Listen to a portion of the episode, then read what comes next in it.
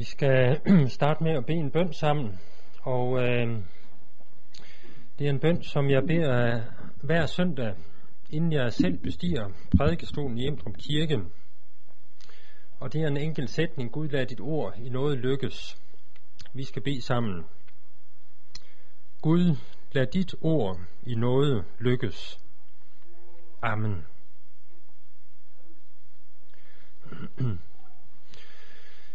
Jeg så i programmet, at øh, min tale i aften var annonceret som en festtale.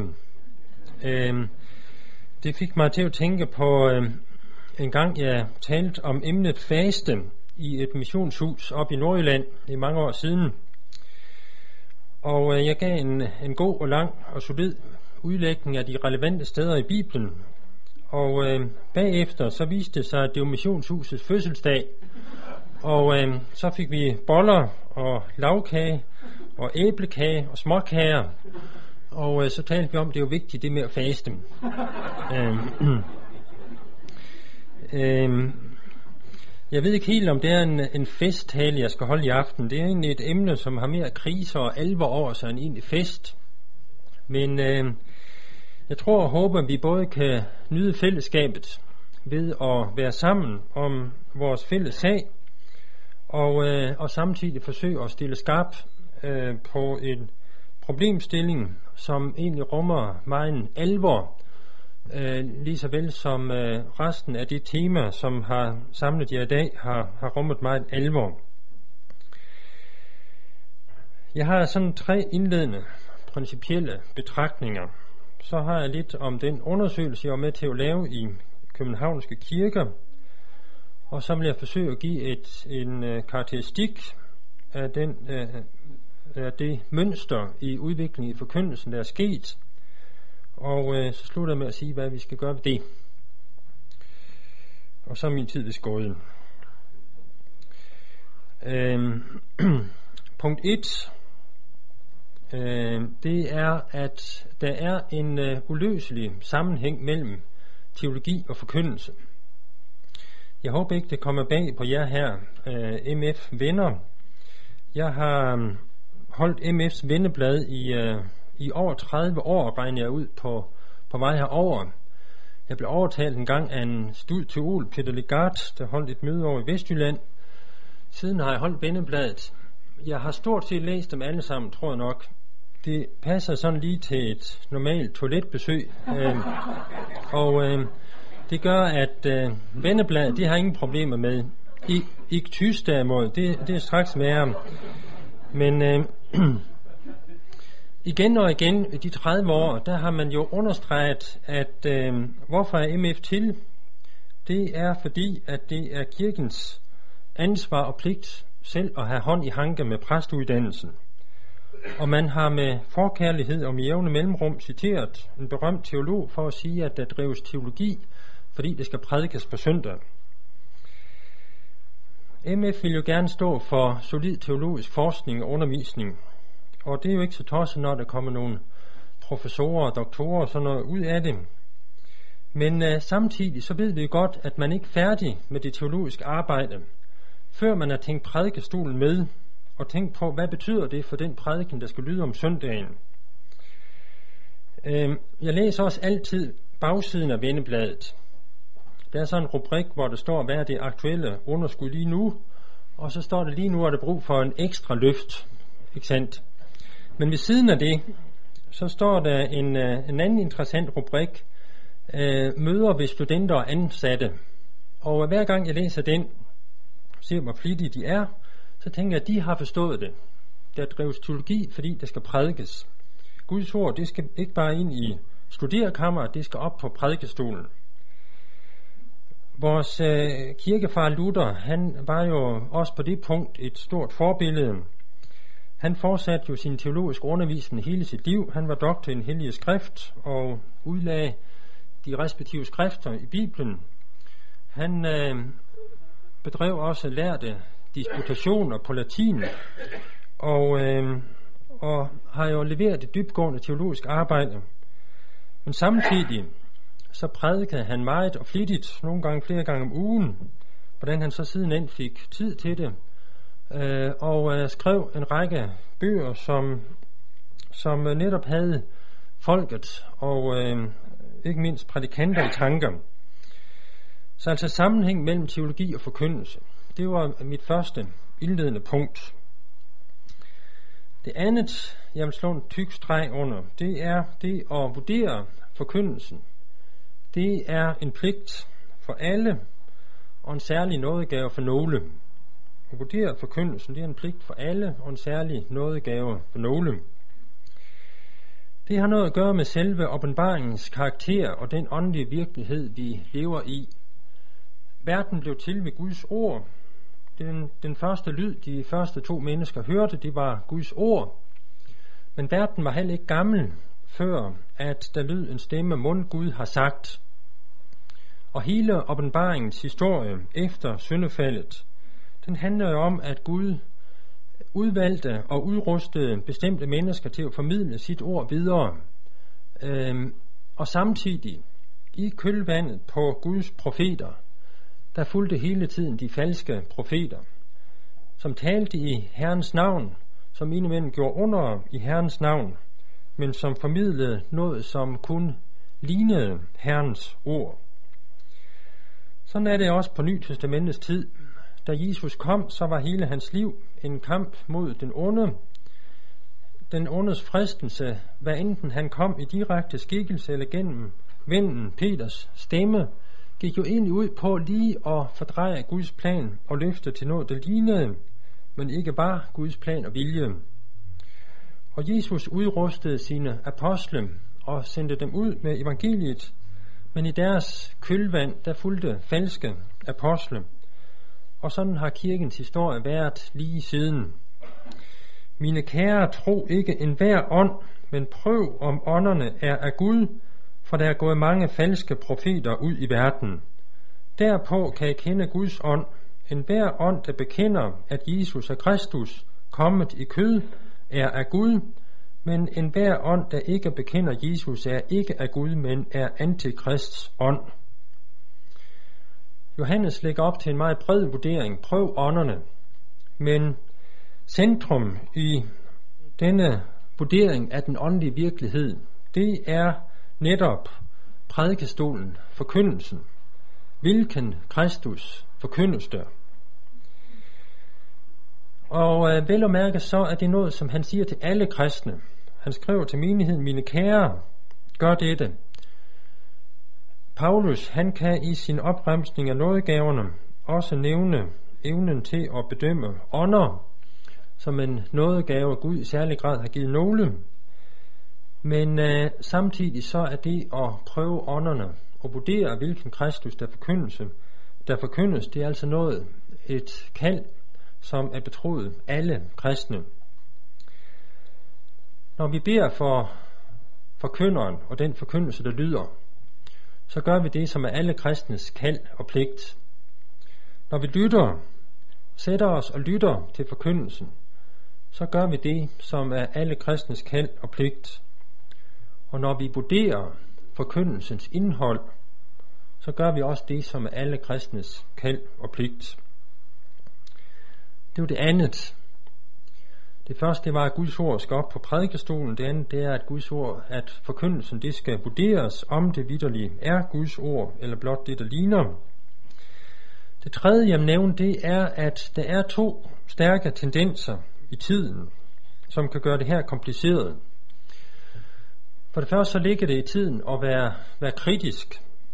Øhm, hans engel sagde, da han skiftede fra politik til ekstrabladet, at det var egentlig ikke så forskelligt, det han nu skulle til, fordi ekstrabladets rolle, det var at være kritisk opponent til alt det, der foregik i det danske samfund. Det tror jeg egentlig er, er meget præcis sagt, men jeg tror egentlig også, det er en præcis karakteristik af det, som egentlig er mange menneskers livsmønster. Man øh, opdrages i vores tid til at vurdere alt mellem himmel og jord kritisk. Borgerne i det danske samfund skal være kritisk i øh, forhold til det, det møder.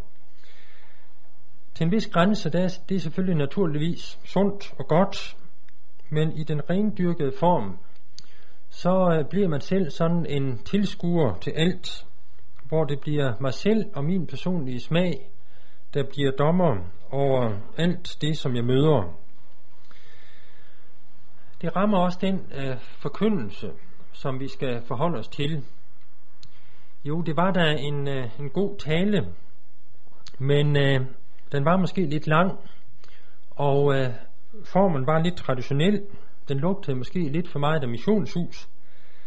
Eller der var ikke sådan rigtig nogen medrivende eksempler.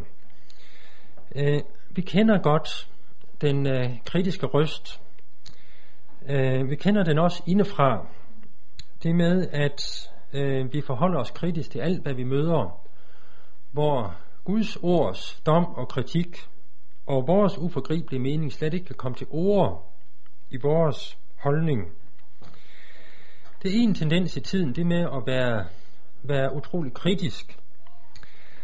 Den anden yderlighed, som øh, vi også møder, og det er, at man siger, at, at alt, hvad vi møder fra en prædikant, ikke mindst en præst, det er jo noget, vi kan, kan lære af.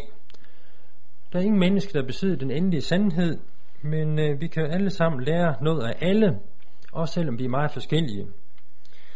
Den holdning findes i en almen religiøs, øh, almen religiøs øh, situation, hvor man øh, siger, at alle religioner de rummer jo dele af den samme sandhed, så vi kan lære noget af alle mennesker over hele kloden.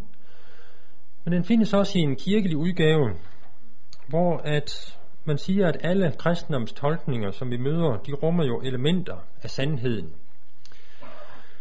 Det mærkelige det er, at det ligger i tiden, både at være uendelig kritisk og være uendelig rummelig. Jeg tror, det er noget at gøre med, at, øh, at vi lever i en postmoderne tid, hvor at sandheden, det ikke er noget objektivt uden for mig. Det er ikke længere det, Gud har talt, og det, som står fast uden for mig og uden mig. Men sandheden, det er noget i det enkelte menneskes indre. Øhm, der er en eller anden docent her på stedet, som har forstand på det der med, med det postmoderne, så, så ham kan I spørge bagefter, om ikke det er rigtigt. Men øh, i hvert fald min, mit, øh, min jagttagelse, det er, at øh, vi lever i en tid, hvor folk er uendelig kritisk og uendelig rummelig. Og begge dele er egentlig en yderlighed, en afvej. Vejen mellem afvejene, det er at gøre det, som de gjorde i berøre, at modtage ordet med velvilje og dagligt grænske skrifterne for at se, om det forholder sig således. Vi skal have en god vilje, vi skal have en velvilje, en positiv indstilling, også når vi skal vurdere en forkyndelse, og vi skal samtidig være øh, vilje til at grænske skrifterne. Er det vidderligt Guds ord, der forkyndes? Vi forkynder, vi også brug for velvilje fra jer, som er tilhørere. Især os, der står år ud og år ind på en talerstol. Det er ikke altid, det lykkes for os. Det er ikke os alle sammen, der er gode til at formulere os øh, originalt, og sådan det virkelig når frem.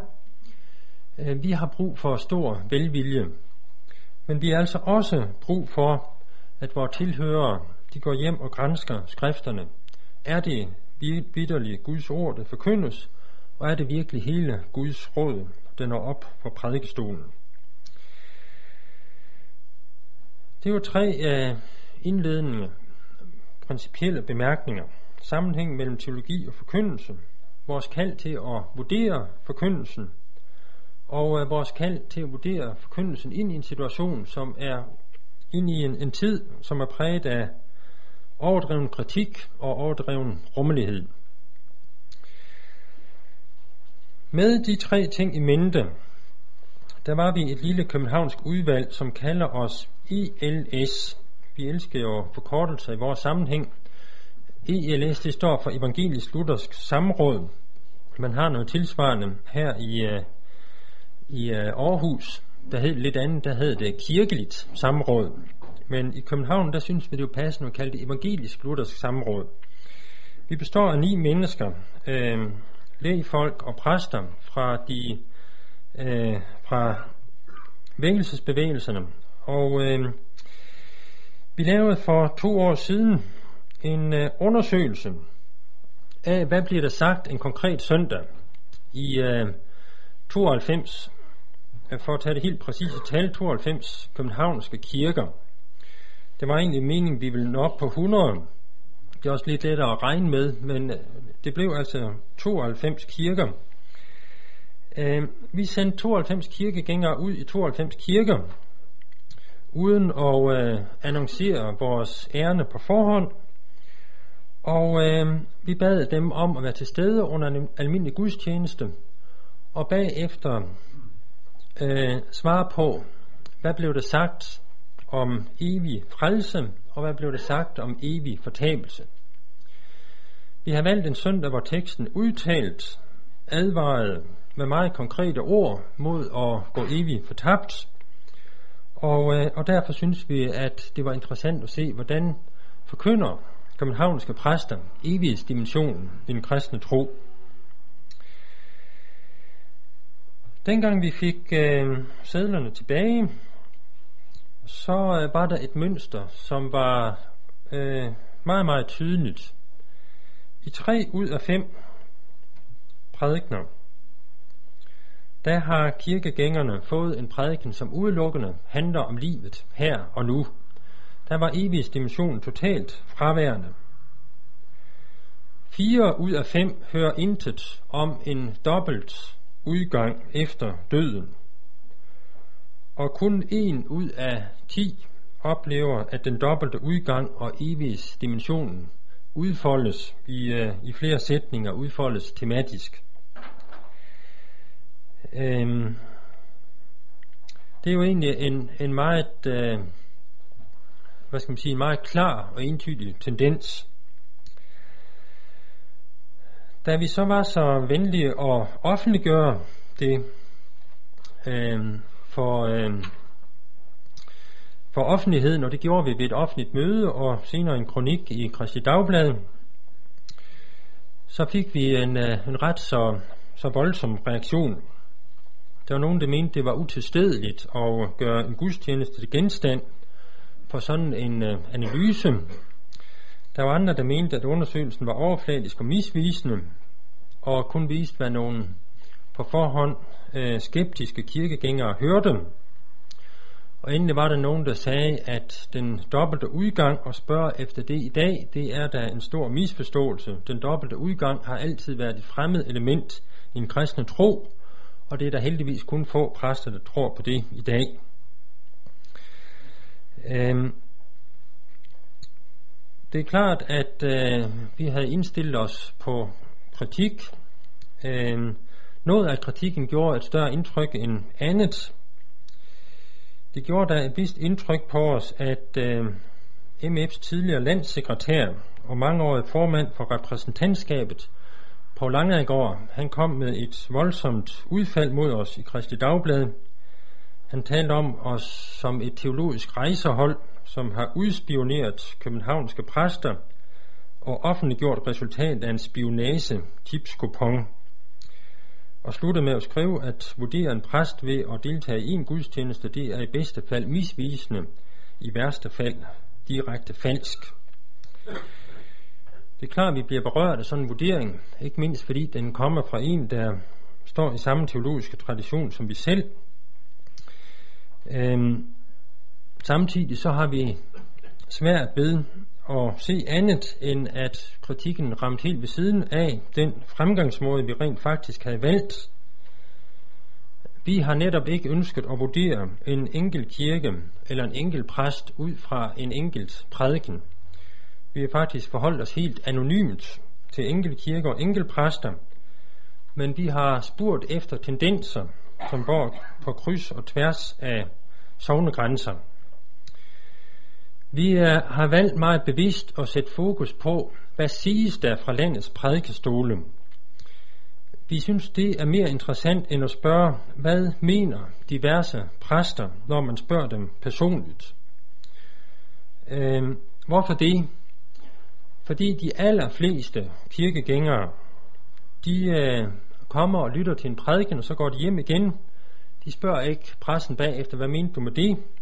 Men deres kristendomsforståelse, den øh, øh, dannes efter, hvad de hører i forkyndelsen. En tredjedel af dem, som var i kirke den pågældende søndag, de var der på foranledning af dåb. Vi ved, at størstedelen af den danske befolkning ikke normalt går i kirke, men øh, af og til kommer til sådanne lejlighedsgudstjenester.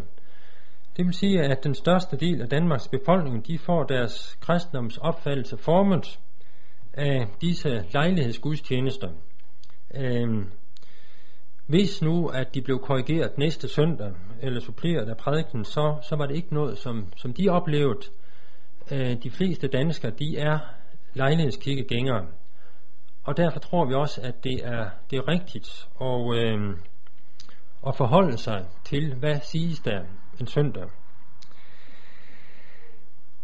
Vi tror faktisk godt, at en almindelig trænet kirkegænger kan høre, hvad der siges om evighedsdimensionen i en kristen tro, når man hører, lytter til en prædiken.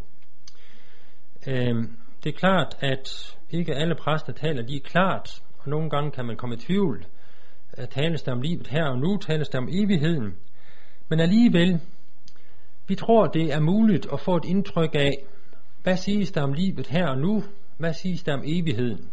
Det tror vi faktisk, det er muligt at lytte sig frem til, hvis man lytter opmærksom efter en prædiken. Derfor tror vi heller ikke, at øh, vi ramte helt ved siden af med, øh, med den undersøgelse og den tendens, som den viser. Der findes altså et stigende antal præster, som øh, direkte siger, også siger fra prædikestolen, at de tror ikke, der findes en evig fortabelse. Øh, eller de siger, at de, de vil personligt ikke udelukke, at findes, men på prædikestolen, der øh, vil de betone det, evige, det kristne håb om evigt liv. Vi skal lægge mærke til, øh, til begge grupper. Der er en højt råbende gruppe, som i dag gør direkte og udtalt op med øh, den dobbelte udgang, og også øh, haft mulighed til at gøre det fra prædikestolen. Men det er ikke den gruppe, som, øh, som er størst og som tæller de fleste. Derimod er den gruppe, som øh, når man snakker med dem personligt, så vil de ikke udelukke, at der findes en evig fortabelse. Men øh, det får aldrig nogen indflydelse på, hvad de siger fra talerstolen eller i personlig sjælesorg. Den gruppe, den er stadig voksende. Og øh, ofte så øh, kan man ikke skelne mellem dem, som direkte fornægter evig fortabelse, og dem, som aldrig omtaler det. Det er svært at høre forskel, når man øh, lytter til øh, deres prædiken. Og øh, de fleste danskere, de får altså deres kristendoms forståelse meget farvet og præget af det, som de lytter til.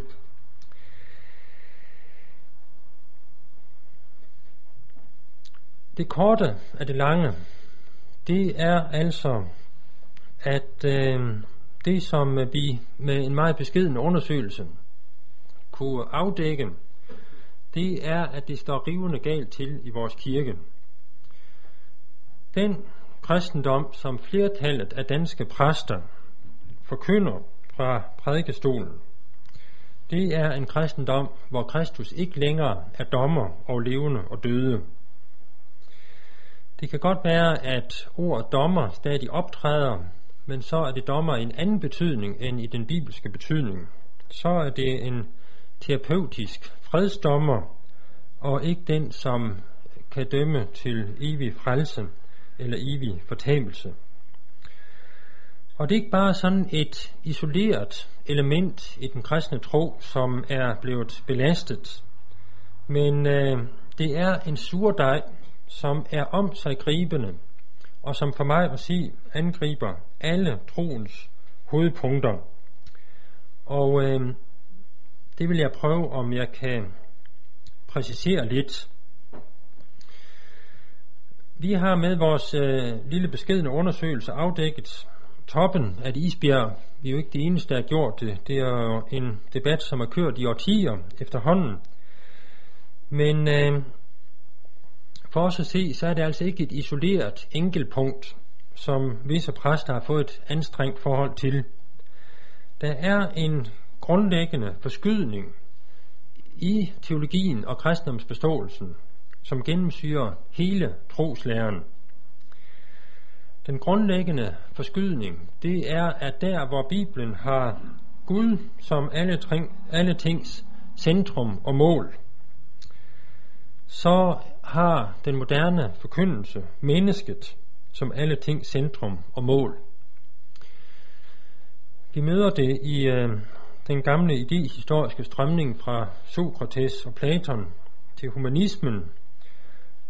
Vi kender den i en politisk iklædning, vi kender det i en nyreligiøs iklædning, men der er altså en tredje iklædning, hvor den optræder i præstekjole som tolkningsnøgle til hele trosbekendelsen. Jeg vil godt prøve at øh, skitsere noget af, af det karakteristiske ved den forkyndelse. I Bibelen, der er der to brandpunkter i beskrivelsen af Guds væsen, og det er, at Gud er hellig, og Gud er kærlig. I den moderne forkyndelse, der er Gud ren kærlighed. Det bibelske gudsbillede, det har altså disse to brandpunkter. Gud er hellig, han er retfærdig, og så er han samtidig kærlighed og barmhjertig. Til Guds hellighed svarer alt det i Bibelen, som handler om Guds lov og vilje, hans freder over synd og ulydighed, hans dom og straf over synden. Guds kærlighed, det er knyttet sammen med alt det i Bibelen, der handler om hans løfte om frelsen, Kristus, retfærdiggørelse med tro, tilgivelsen og den evige frelse. Disse to sider ved Guds væsen, de er i den bibelske åbenbaring uløseligt forbundet. Øhm, og øh, der er de to brandpunkter.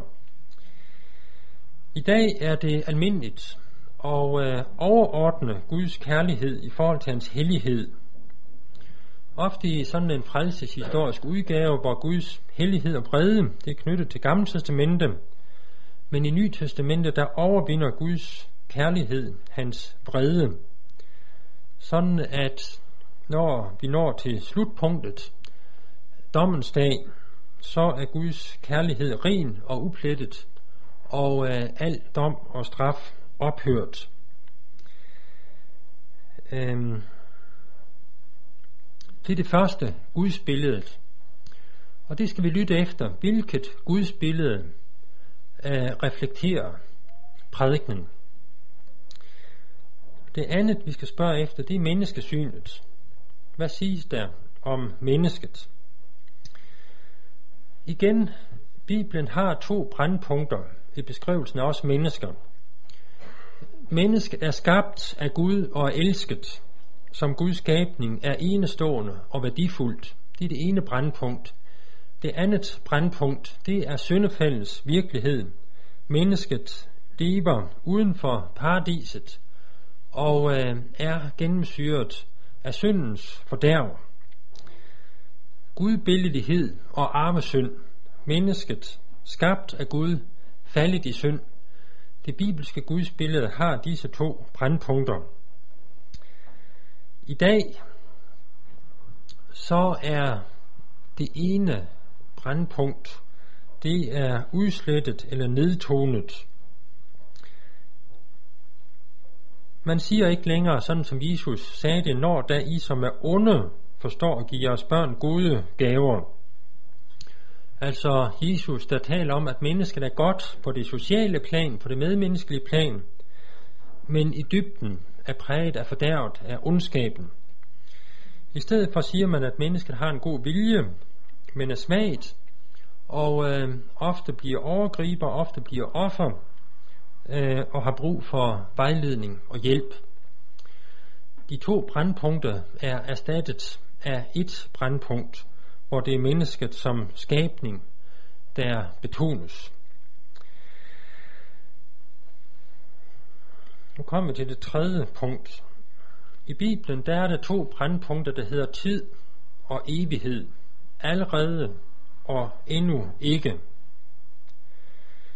Det der sker, når at man forkaster den dobbelte udgang og udelukkende taler om evigt liv i frelsende forstand. Det betyder, at der sker en forskydning fra det evige mål til de timelige mål. Vi skal som person eller kristen menighed ikke bekymre os om, om Guds evige frelse. Det skal Gud nok bekymre sig om. Vi skal derfor ikke forkynde evangeliet til omvendelse og tro, men vi skal bekymre os om menneskets timelige frelse. Præsten og kirken skal forholde sig til de problemer, som det moderne menneske er optaget af. Dets erfaring af meningsløshed, lidelse, sygdom, død, ensomhed. Vi skal give hjælp til at tolke dets tilværelse og give det livsmod, og hvad ved jeg. Der sker en forskydning fra det evige mål til de timelige mål. Igen, Bibelen har to brandpunkter. Den moderne forkyndelse har kun ét brandpunkt. Der sker for det fjerde en forskydning i forkyndelsen af lov og evangelium til evangelium uden lov. Guds ord har to brandpunkter, lov og evangelium. Den moderne forkyndelse har et evangelium uden lov. Det kan godt være, at loven stadig forkyndes, der tales i hvert fald meget om at tage vare på næsten og elske næsten, men aldrig i den konkrete form, det havde i Jesu forkyndelse. Mennesker skal elske næsten og tage vare på hinanden og ikke lade nogen i stikken, men hvordan det enkelte menneske skal elske næsten, det skal præsten ikke sætte sig til dommer over. Det skal man overlade til den enkelte selv og i praksis bliver det så til en forkyndelse af evangeliet uden lov. For det, for det femte, der sker en forskydning af forkyndelsen af Kristus selv. Bibelen har to brandpunkter. En sætning har jeg sagt før. Bibelen har to brandpunkter. Kristus er forsoneren og dommeren. I den moderne forkyndelse er Kristus kun forsoneren. Vel at mærke en forsoner, som overvinder menneskets vrede og modstand, ikke en forsoner, der med sin stedfortrædende død forsoner Guds vrede. Det kan godt være, at Kristus stadig skal komme igen for at dømme levende og døde, men han kommer som fredsdommer. Dommen det bliver en terapeutisk proces, hvor overgriberne konfronteres med deres skyld og alle ofre genrejses. I et eneste nu, så dømmer Gud alle mennesker skyldige, og så bliver alle frikendt. Det er dommen. Dommen, det bliver en lutring.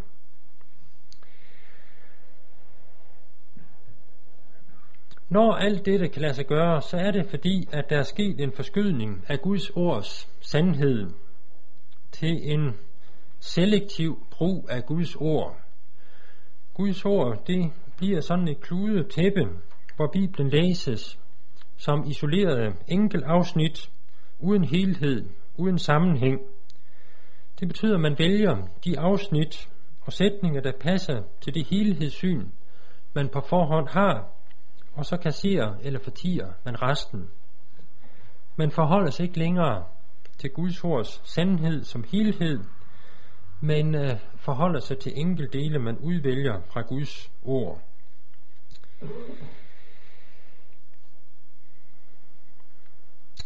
Det er øh, sådan set det, som er mit budskab øh, i selve analysen af den åndelige situation i dag. Det, øh, som jeg altså siger, det er, at den er rivende galt. Der sker en uh, total omtolkning af den kristne tro fra vores prædikestole. Og uh, hvis vi kigger fremad, så er den rivende gal, men jeg tror, den bliver værre endnu. Jeg tror, at vi de kommende år vil opleve et stigende antal præster og teologer, som direkte gør op med læren om den dobbelte udgang – og siger, at den dobbelte udgang i virkeligheden er et fremmed element i den kristne tro, som er i strid med Jesu egentlige ærne i verden. Jeg tror, vi får en stigende gruppe af præster og teologer, som forespurgt, når de spørges, Personligt så vil de fastholde, at måske findes der en dobbelt udgang, men øh, de vil være tavse omkring det punkt, så snart de står på prædikestolen eller befinder sig i sjælesorg, der vil de forkynde alles frelse. For det tredje, så tror jeg, at den surdej, jeg her har omtalt, den mere og mere vil gribe om sig og gennemsyre alle dele af troens led, sådan at vi får vanskeligere og vanskeligere ved at finde en fælles nævner, når vi skal tale om, hvad er det egentlig, som er Jesu ærne i verden. Jeg tror endelig også, at vi vil opleve i stigende grad et voksende pres indad til i det, man kalder de bibel- og bekendelsestro kredse. Jeg tror ikke, vi begynder at pille ved vores paragrafer og erklæringer. Der vil vi fortsat understrege, at vi er bibel- og bekendelsestro. Men jeg tror, at vi alle sammen lidt i vores faktiske forkyndelse bliver præget af tidsånden. I den anglikanske og reformerede verden, der er det i disse årtier en, øh, en lang debat om frelse og fortabelse, hvor nogle af de teologer, som vi af andre grunde står i gæld til, som har kæmpet en brav kamp for Bibel og bekendelse, de i dag forstår evig fortabelse som evig udslettelse. Det gælder fremragende teologer som John Stott og Michael Green, også andre. Det slås man med i den engelsktalende kristenhed i dag. Jeg tror, det bliver et spørgsmål om tid, før vi også internt må til at slås med den problemstilling indad til. Endelig så tror jeg, at vi ligesom under indtryk af den, vold, den voldsomme pres, vi er udsat for på, kan, kan reagere på en måde, hvor vi øh, bemærker alle de forsømmelser, alle de tabuer, som er i vores forkyndelse. Og så tænker vi, det må vi gøre noget ved, og så giver vi den hele armen og forkynder Guds vrede, forkynder arvesynden, forkynder loven konkret, og forkynder Kristus som personer af Guds vrede. Men vi gør det på en måde, sådan at vi er negativt bestemt af tidsånden. Det er stadig tidsånden, som skriver dagsordenen. Vi tænker bare, at den skal ikke styre og, øh, og så bliver vores forkyndelse skæv bare med et modsat fortegn. Øh, også den fare, tror jeg, at vi øh, skal se i øjnene, at det ikke længere er den bibelske virkelighed, men tidsånden, der negativt kan komme til at sætte dagsordenen. Den er altså slem, og jeg tror, det bliver værre endnu. Hvad skal vi så gøre med det? Nu er vi nået til afslutningen. Jo, vi skal som ind fortsætte med at bede for forkynderen. Vi skal fortsætte med at lytte til forkyndelsen, og vi skal fortsætte med at vurdere forkyndelsen. Og så skal vi i samtale og formane, konfrontere vores præst med det, vi lytter, og spørge, hvor var den del af teksten, som handlede om det i din prædiken i dag. Jeg siger ikke, det er det letteste at gøre. Det er forfærdeligt svært, men jeg siger, det er det rigtige at gøre. Der hvor en forkynder fremturer i åben og fastholdt modsigelse af Guds ord, der kan og skal vi ikke fortsætte fællesskabet omkring prædikestol og alterbord. Og der skal vi heller ikke længere invitere dem ind og gøre brug af dem på talerstolen i de frivillige organisationer. Vi skal selvfølgelig være besindige og ikke foretage os noget overilet, men vi skal ikke i misforstået fordragelighed eller personlig hensyn undlade at gøre det, som er nødvendigt. Guds kirke vil overleve. Det har vi Jesu eget ord løfte for. Den er rivende gal, men vi skal ikke et øjeblik være i tvivl om, at Guds kirke vil overleve. Dødsrigets porter skal ikke få overhånd over den, Men det vi må spørge os selv om, det er, hvor er vores bibeltro institutioner, og hvor er de præster, som udgår derfra? Hvor er de om 10 år, om 20 år, om 50 år? Det kan godt være, at vi rives om, om kul af tidshånden.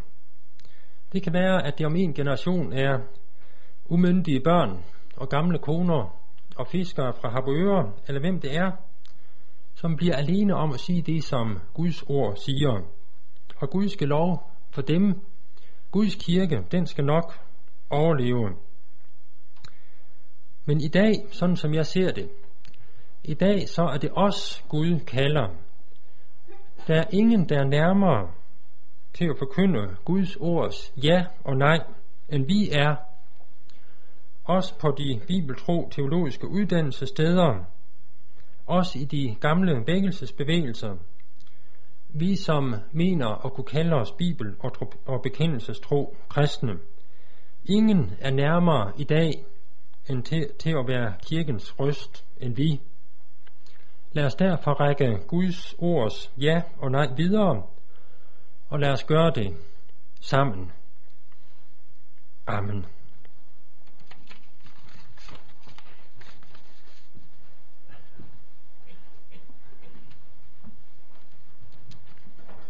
Tak skal du have, Børge. Der bliver om lidt mulighed for at kommentere og stille spørgsmål.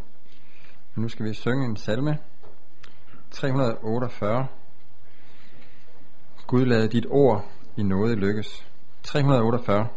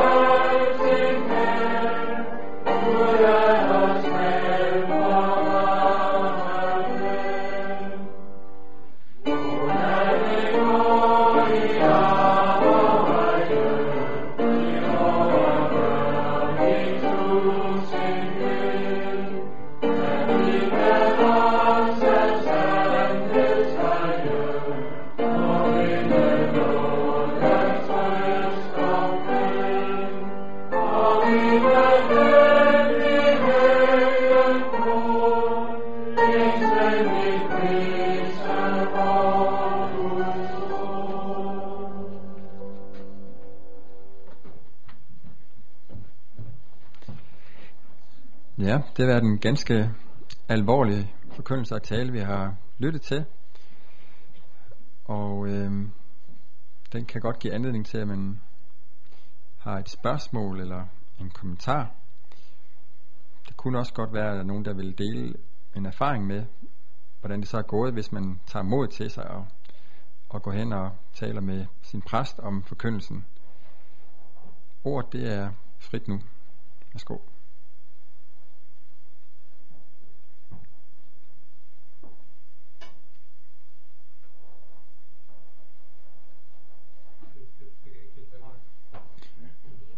Vi skal lige gentage spørgsmålet. Øhm, Børge han omtalte to kendte teologer, Michael Green og John Stott, som øh, taler om en evig udslettelse i stedet for en evig fortabelse. Og Børge nævnte, at han kunne frygte, at den tendens og den opfattelse kunne brede sig til Danmark. Og hvorfor gør du det?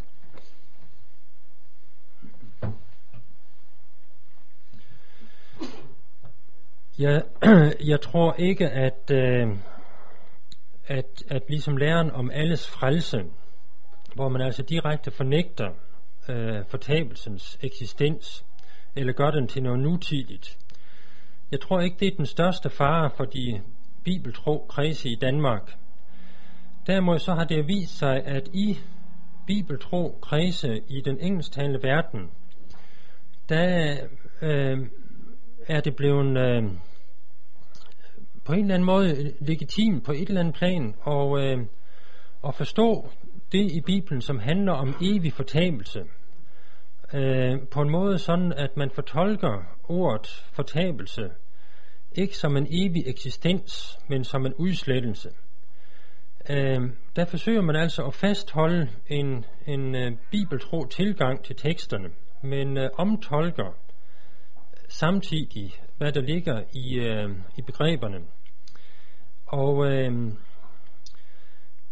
det tror jeg kan have en, øh, en, øh, en langt større appel ind i de bibeltro kredse i, øh, i Danmark, og, og når jeg tror, det er en fristelse, så er det fordi, at, at øh, der er jo ingen af os, der ligesom kan bære fortabelsens byrde. Det, det er jo et kolossalt følelsesmæssigt problem for os alle sammen, at Jesus taler om evig fortabelse. Lige så vel som at det er en, øh, en ufattelig byrde, at der er 13 millioner mennesker, som lever på sultegrænsen øh, i, øh, i Afrika og, og står i fare for at, at dø af sult så, øh, så er det jo en ufattelig følelsesmæssig byrde overhovedet at forestille sig, bare at et menneske går fortabt. Derfor tror jeg, at, øh, at øh, vi også i vores cirkel vil opleve en, en debat, og, som man oplevede i en engelsktalende verden, hvor man altså begynder at omtolke nogle af de bibelske begreber, øh, samtidig med, at man fastholder, at man vil gerne lade sig vejlede af Guds ord. Øh, jeg tror, det kommer, men jeg, jeg ved selvfølgelig ikke.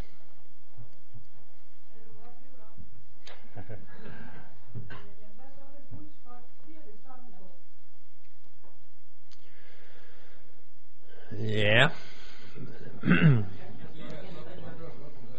øh, vi skal jo blive i folkekirken, og det er ikke helt sådan, der blev spurgt. Vil det så blive sådan, at Guds folk skal ud af folkekirken?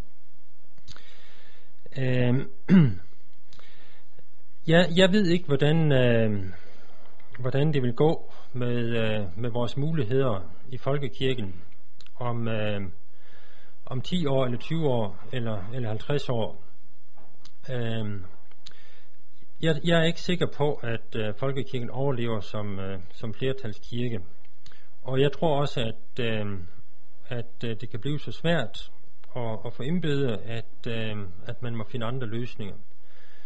Øh, jeg synes egentlig ikke, at det er, er det vigtigste, hvad, hvad, hvad vores emne angår. Det vigtigste, det er, at vi er, er tro der, hvor vi er nu, og, øh, og lægger røst til det, som vi skal lægge røst til nu. Øhm, ja, mere har jeg egentlig ikke lige lyst til at sige om det nu.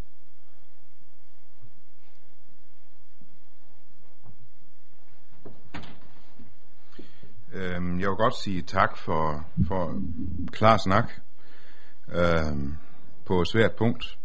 Jeg er mange for, at du har ret, ikke bare i din skildring af, hvordan det står til i vores kirke, men også frygter, at, øh, at det påvirker os selv, at vi øh, øh, kan presses til ikke at fornægte teoretisk, men til at fortige, øh, hvad vi ved skriften siger. Så det var sandt ord i rette tid. Øh, jeg har et spørgsmål til, øh, til din, dit, øh, dit udtryk med de to brandpunkter. Jeg har ikke noget bedre udtryk selv. For øh, naturligvis er det rigtigt, at vi har loven og evangeliet, vi har helligheden og kærligheden. Alligevel så hører øh, det jo til den klassiske lære om den rette skæld mellem loven og evangeliet, at man skældner ikke ret mellem loven og evangeliet, hvis ikke evangeliet har overvægten. Øhm, det tror jeg også, at den vil have, det, det, øh, det har den garanteret også i din egen forkyndelse, at der har evangeliet overvægten, og det skal, den have, det skal det have. Øh, for kun der er der bibelsk balance i det. Øh, men også det der, at helligheden og kærligheden står over for hinanden. Altså som matematiker tiltaler balancen mig selvfølgelig, men bibelsk set så er øh, det vel øh, kærligheden, som er kernen, også i helligheden. Det er netop fordi Gud er kærlig, at han er vred over synden. Helligheden øh, har også hans kærlighed som, som centrum. Så jeg mangler altså en illustration, der kan fastholde de to, og alligevel øh, give den ene overvægten.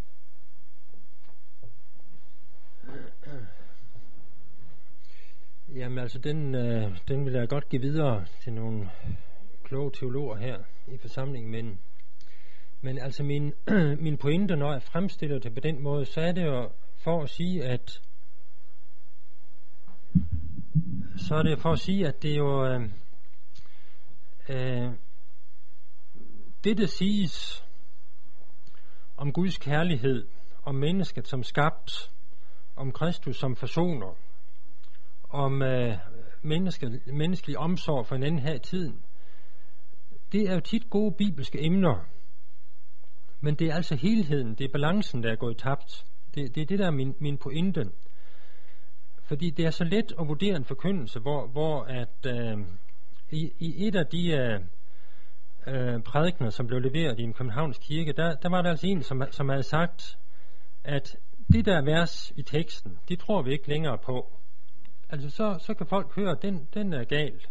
Og der er en præst, der har sagt, at, at de tre vers her, de, de stammer ikke fra Jesus selv. Det er noget, Matthæus han har smuglet ind. Øh, for sådan kunne Jesus aldrig finde på at sige. Øh, sådan en, en prædiken kan de fleste høre, der er et eller andet her, som, øh, som ikke stemmer. Problemet det er, når at der tales om, om bibelske temaer, hvor det ikke er løgn, men, men hvor balancen mangler. Øh, det er derfor, jeg, jeg stillede op på den måde. Øh, men men det, din pointe, den er god nok, så øh, det må vi lige finde ud af en gang. Ja.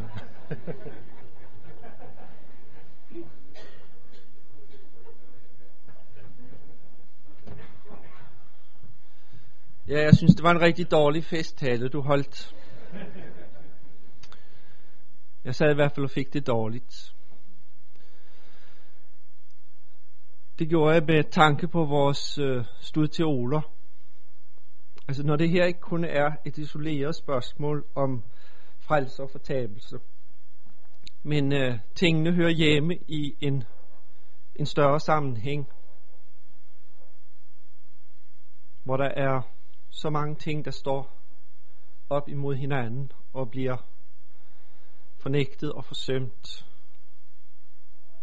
Så kan jeg ikke lade være med at sidde og spørge mig selv, hvad, hvad sker der med vores unge, som skal gennemgå en teologisk uddannelse gennem 6-7 år, og som bliver udsat for den her øh, stærke påvirkning.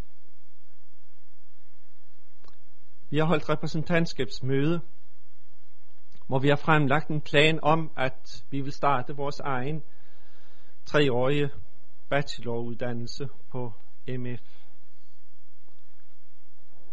Og for mig står det sådan, at det er den eneste vej fremad, øh, vi har, hvis ikke det skal gå den vej for os. Så må vi selv øh, til at tage hånd omkring uddannelsen af vores teologer og kommende præster. I langt større udstrækning, end vi hidtil har, har kunnet gøre det. Og derfor så har jeg egentlig bare lyst til at sende jer hjem og bede for den her sag. Vi ved i forvejen, at det her, det er noget stort og vanskeligt, øh, som vi giver os ud i. Og det kan komme til at ende der, hvor det meget bliver os selv, der må til at tage hånd omkring, omkring tingene. Selv må bære sådan en uddannelse igen. Og så må det blive til præster i den kirke med de muligheder, som vi har, når folk har gennemgået den uddannelse. Altså for mig at se, der er situationen dybt, dybt alvorlig. Og jeg kan kun kalde på jer til at bede og arbejde for det her.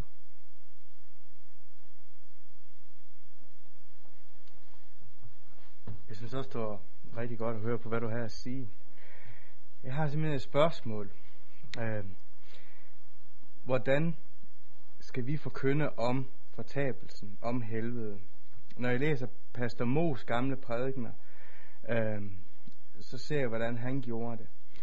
Jeg kan også huske, at øh, øh Fris, den gamle formand for Indre Mission, en gang vist nok har sagt, at helvedes skorsten er ikke holdt op med at ryge, bare fordi vi holder op med at tale om helvede. Men sådan, sådan, sådan mere praktisk spørg, hvordan, hvordan mener du, at øh, vi skal få det her frem? Øh, ja.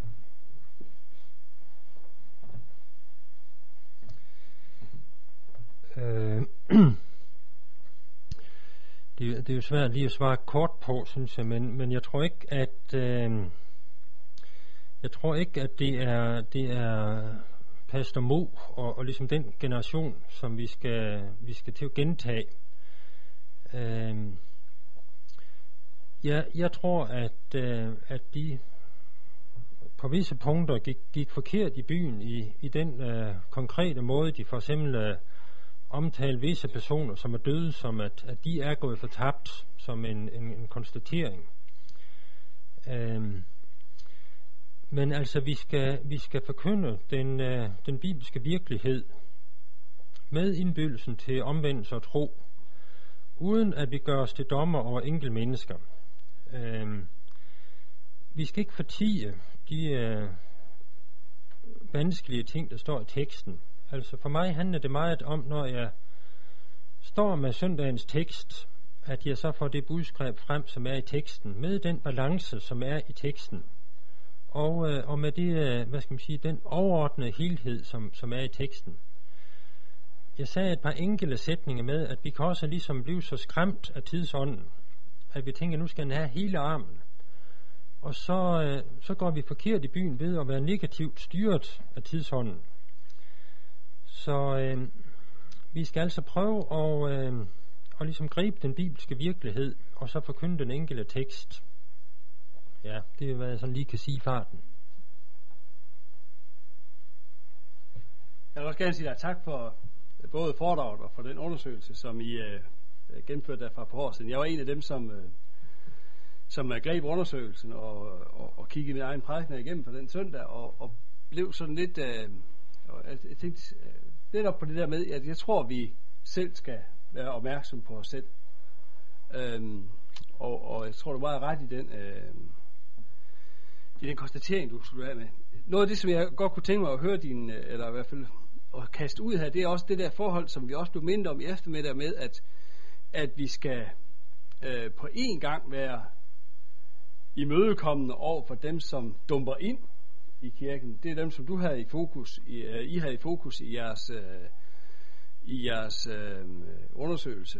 Og så også på dem, som sidder der søndag efter søndag. Jeg tænker på, at der kan også være en, en, en, uh, en balance, som vi som præster skal opnå igennem et, en, øh, det, det synes jeg personligt er noget af det, som er, er velsignelsen ved at være sovnepræst, det er, at man har en kontinuerlig øh, menighed, som, som, øh, som, som vender tilbage søndag efter søndag, Øh, men altså kombineret med det der med, at der også er nogen, som dumper ind, øh, og for mange af os er det måske tit halvdelen af menigheden, der sidder der. Øh, har du gjort dig nogle overvejelser i de to, øh, i, i den sammenhæng?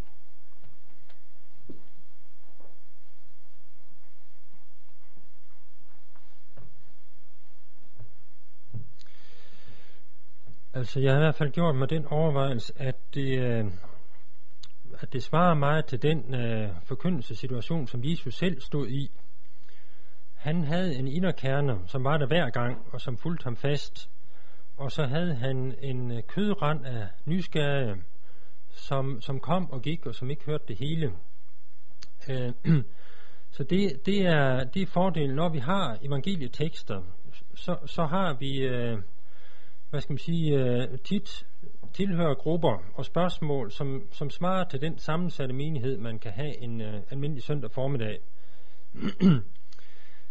det, som vi også kan lægge mærke til, det er, at, øh, at Jesus aldrig, heller ikke over for folk, som, øh, som, som står i periferien, fortiger øh, et element i sin forkyndelse.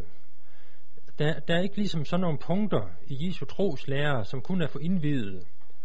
Øh, der er nok noget, han underviser disciplen om på dybere plan end de andre, men der er egentlig ikke et punkt, som, øh, som kun er for, for indvidet. Jesu forkyndelse, den er, den er helt åbenlys. Øh, vi har jo også eksempler på det, når, når at mennesker kommer og møder Jesus. At han, øh, at han fra starten af konfronterer dem for eksempel med konsekvenserne ved at følge ham. Lad de døde begrave deres døde, eller har hånd du lagt på herrens plov, øh, og, og, og de afsnit. Så vi, skal ikke, uh, vi skal ikke fortige nogen bibelsk sandhed, heller ikke selv om det lige præcis er dåb på søndag, og vi egentlig havde en god snak med dem og familien, og uh, at vi måske har anledning til at få en derfra som konfirmand næste år osv. Uh, øh, altså vi, vi skal ikke uh, af den grund fortige noget, som vi ved er svært for vores tilhører at sluge. Jeg tror jo mere, at vi kan tale til os selv, øh, samtidig og sige, at, at det her element i Jesu tale, den, den er også svær for os, der har siddet i kirken i mange år. Øh, vi, vi har svært ved at, at, holde ud og høre, at Jesus siger, hellere en møllesten om halsen, end øh, at farve en af disse små, og det er bedre at miste en af sine lemmer, end at hele lægeme kastes i helveden. Vi har det også svært med de ord. Øh, vi er i samme båd, os garvede kirkegængere og præster, og så jer, der hørte første gang. Kan vi, kan vi få det element frem, så tror jeg også, at vi kan skabe lydhørhed.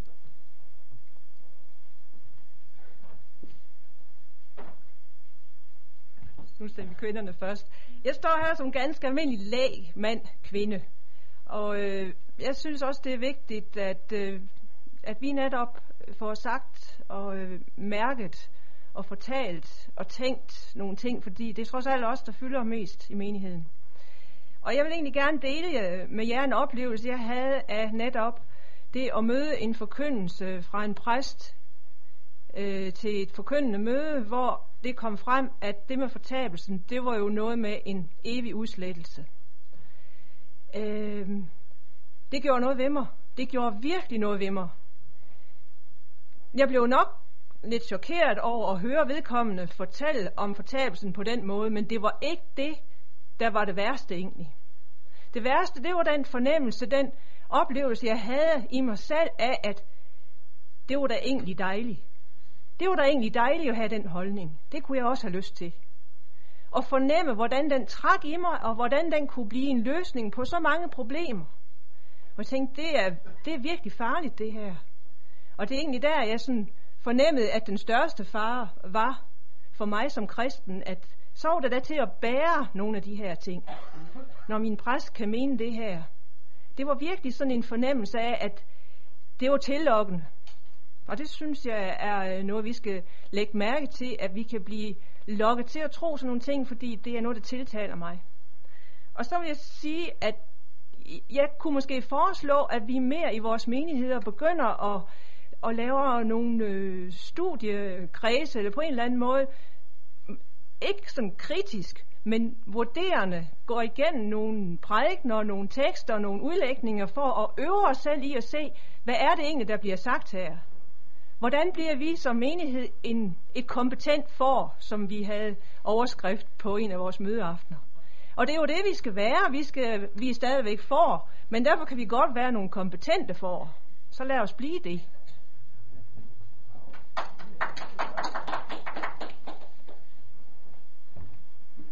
Ja, jeg er også øh, lægemand, men jeg ved ikke, om jeg er helt almindelig. Øh, jeg har blandt andet redigeret en bog, der hedder Vi som Kirke på Loses forlag, og der er nogle meget gode indlæg, også om det, vi har været sammen om her, så den vil jeg meget anbefale jer at læse. Et af indlægene, det er Leif Andersen, der siger, at vi kan kun være i folkekirken på kirkekampens præmisser. Og den har hængt meget ved mig siden. Øh, jeg bor i Gavslund Sovn. Mange af jer vil vide lidt om, hvad det betyder. Øh, og jeg har følt mig, jeg følte, at det var nødvendigt at, at gøre noget i den anledning. Så jeg har klaget til biskoppen over vores, øh, den, den der højlund, vi har. Der, højlunderne er i flere slags, så vi har fået den forkerte. Jeg tror altså, jeg tror, vi er nødt til at tage det ind over os, selvom det er ganske ubehageligt, og selvom det får de mest forbavsende følger, når man klager til biskoppen. Det er et utroligt system, det der øh, folkekirkesystem. Når man begynder at skrive brev til biskoppen, så skal det via sovnepræster, og provst og alle mulige andre. Så alle ved, at man har klaget, og det er for så vidt fint nok. Jeg tror, det er nødvendigt, at det ligger sådan nogen. Vi skal til at lave lidt mere spektakel over de ting, vi ikke bryder os om. Det er den ene ting. Øh, og det kræver altså, at lægmand, lægfolket bliver kompetent, og det er jo forerne. Øh, den anden ting, det er sådan et spørgsmål af rent kirkehistorisk art. Er det værre end nogen, det har været så, så, så tit før? Var situationen med præsterne i Danmark ikke lige så slem for, hvor langt skal vi tilbage, Kurt? 150 år? 200 år? 200. Ja. For eksempel. Altså, det, situationen er overhovedet ikke håbløs. Der er masser af muligheder, men det kræver altså, at der er nogle lægfolk, som er vågne og støtter sådan et sted som det her, og det kræver også, at øh, præsterne bliver en lille smule mere skarpe øh, og står for lidt mere af det som øh, offentligt, som de også står for i den private øh, samtale osv.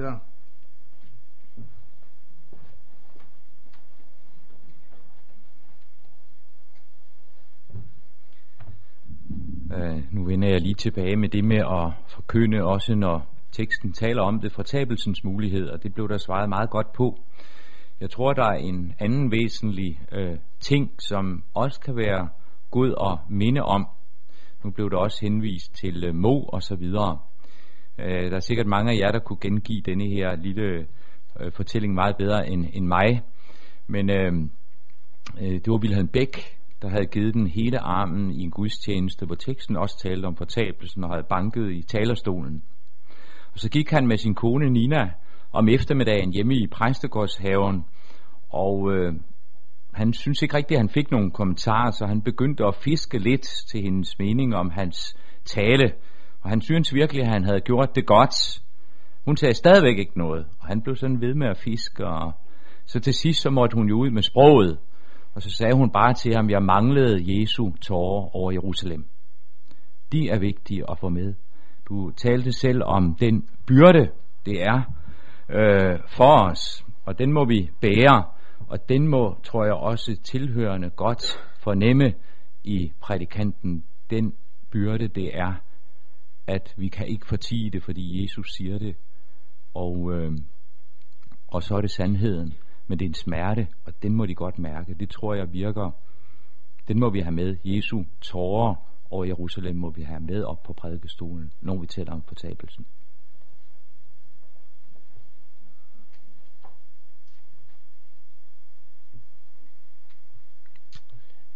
Hjemme hos os, vi er flyttet, og når man flytter, så er der ting, man umuligt kan finde.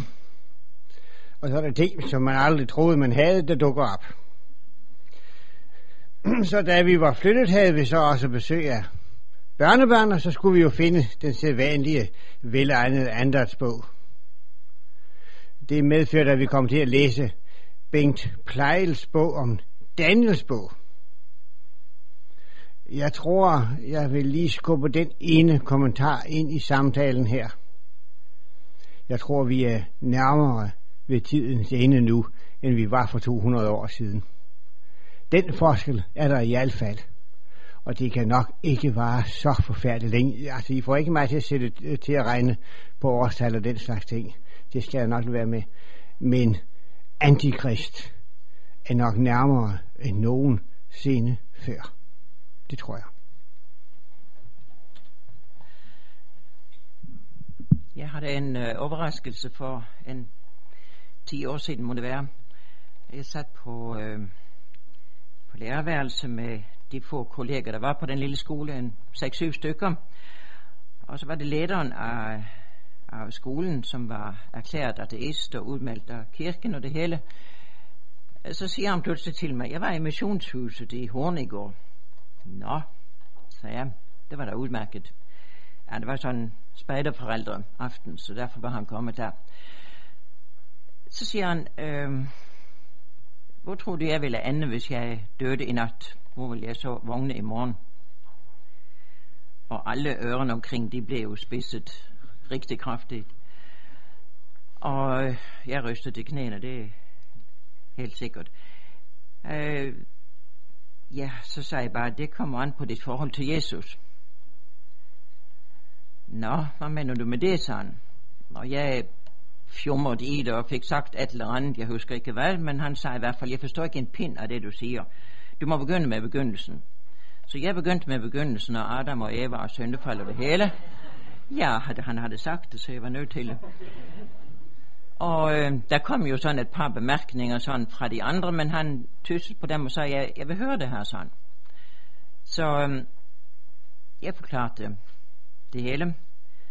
Og øh, sagde også, hvad, hvad Jesus havde gjort, og at vi nu kunne bytte vort øh, eh, plettede liv med hans rene liv, og deri bestod frelsen. Det var dog genialt, sagde Og han sagde det ikke som pjat, altså han mente det. Men så satte jeg der og vidste, at der var altså noget mere, der måtte siges, og så, så kom det sådan lidt forsigtigt, så sagde jeg, jamen jeg er altså nødt til at føje noget til, sagde jeg, fordi øh, jeg vil helst øh, være fri for at sige det, men Jesus har sagt det mere end nogen anden, og det er, at der er jo to udgange på det her. Der er en mulighed for, at det er noget, der er, der er for sent. Hvis vi ikke tager imod det, så er det bare for sent. Så, så er alt håb ude, og så, øh, så står vi uden for Guds rækkevidde, og der er ikke mere at gøre. Og det, der overraskede mig, det var, at han sagde selvfølgelig. Han blev ikke forarget, men han sagde selvfølgelig. Og jeg tror, at øh, hvis det forkyndes selvfølgeligt, men med Jesu tårer, det er fuldstændig rigtigt. Altså ikke som noget, man sådan slynger ud som en selvfølgelighed, men ikke kan lade være med at sige, det er nærmest sådan, jeg mener det. Øh, så tror jeg måske, at det også vil blive modtaget som noget, der naturligvis er rimelig og ikke kan være anderledes. Måske allermest af dem, vi kalder de udenforstående. Øh, dem, jeg tror, vi vil få det sværest med, det er den brede eller den bløde mellemvare. Men vi er, vi er nødt til det. Ja. Tak til Børge. Og tak til jer, som kom med kommentarer, spørgsmål.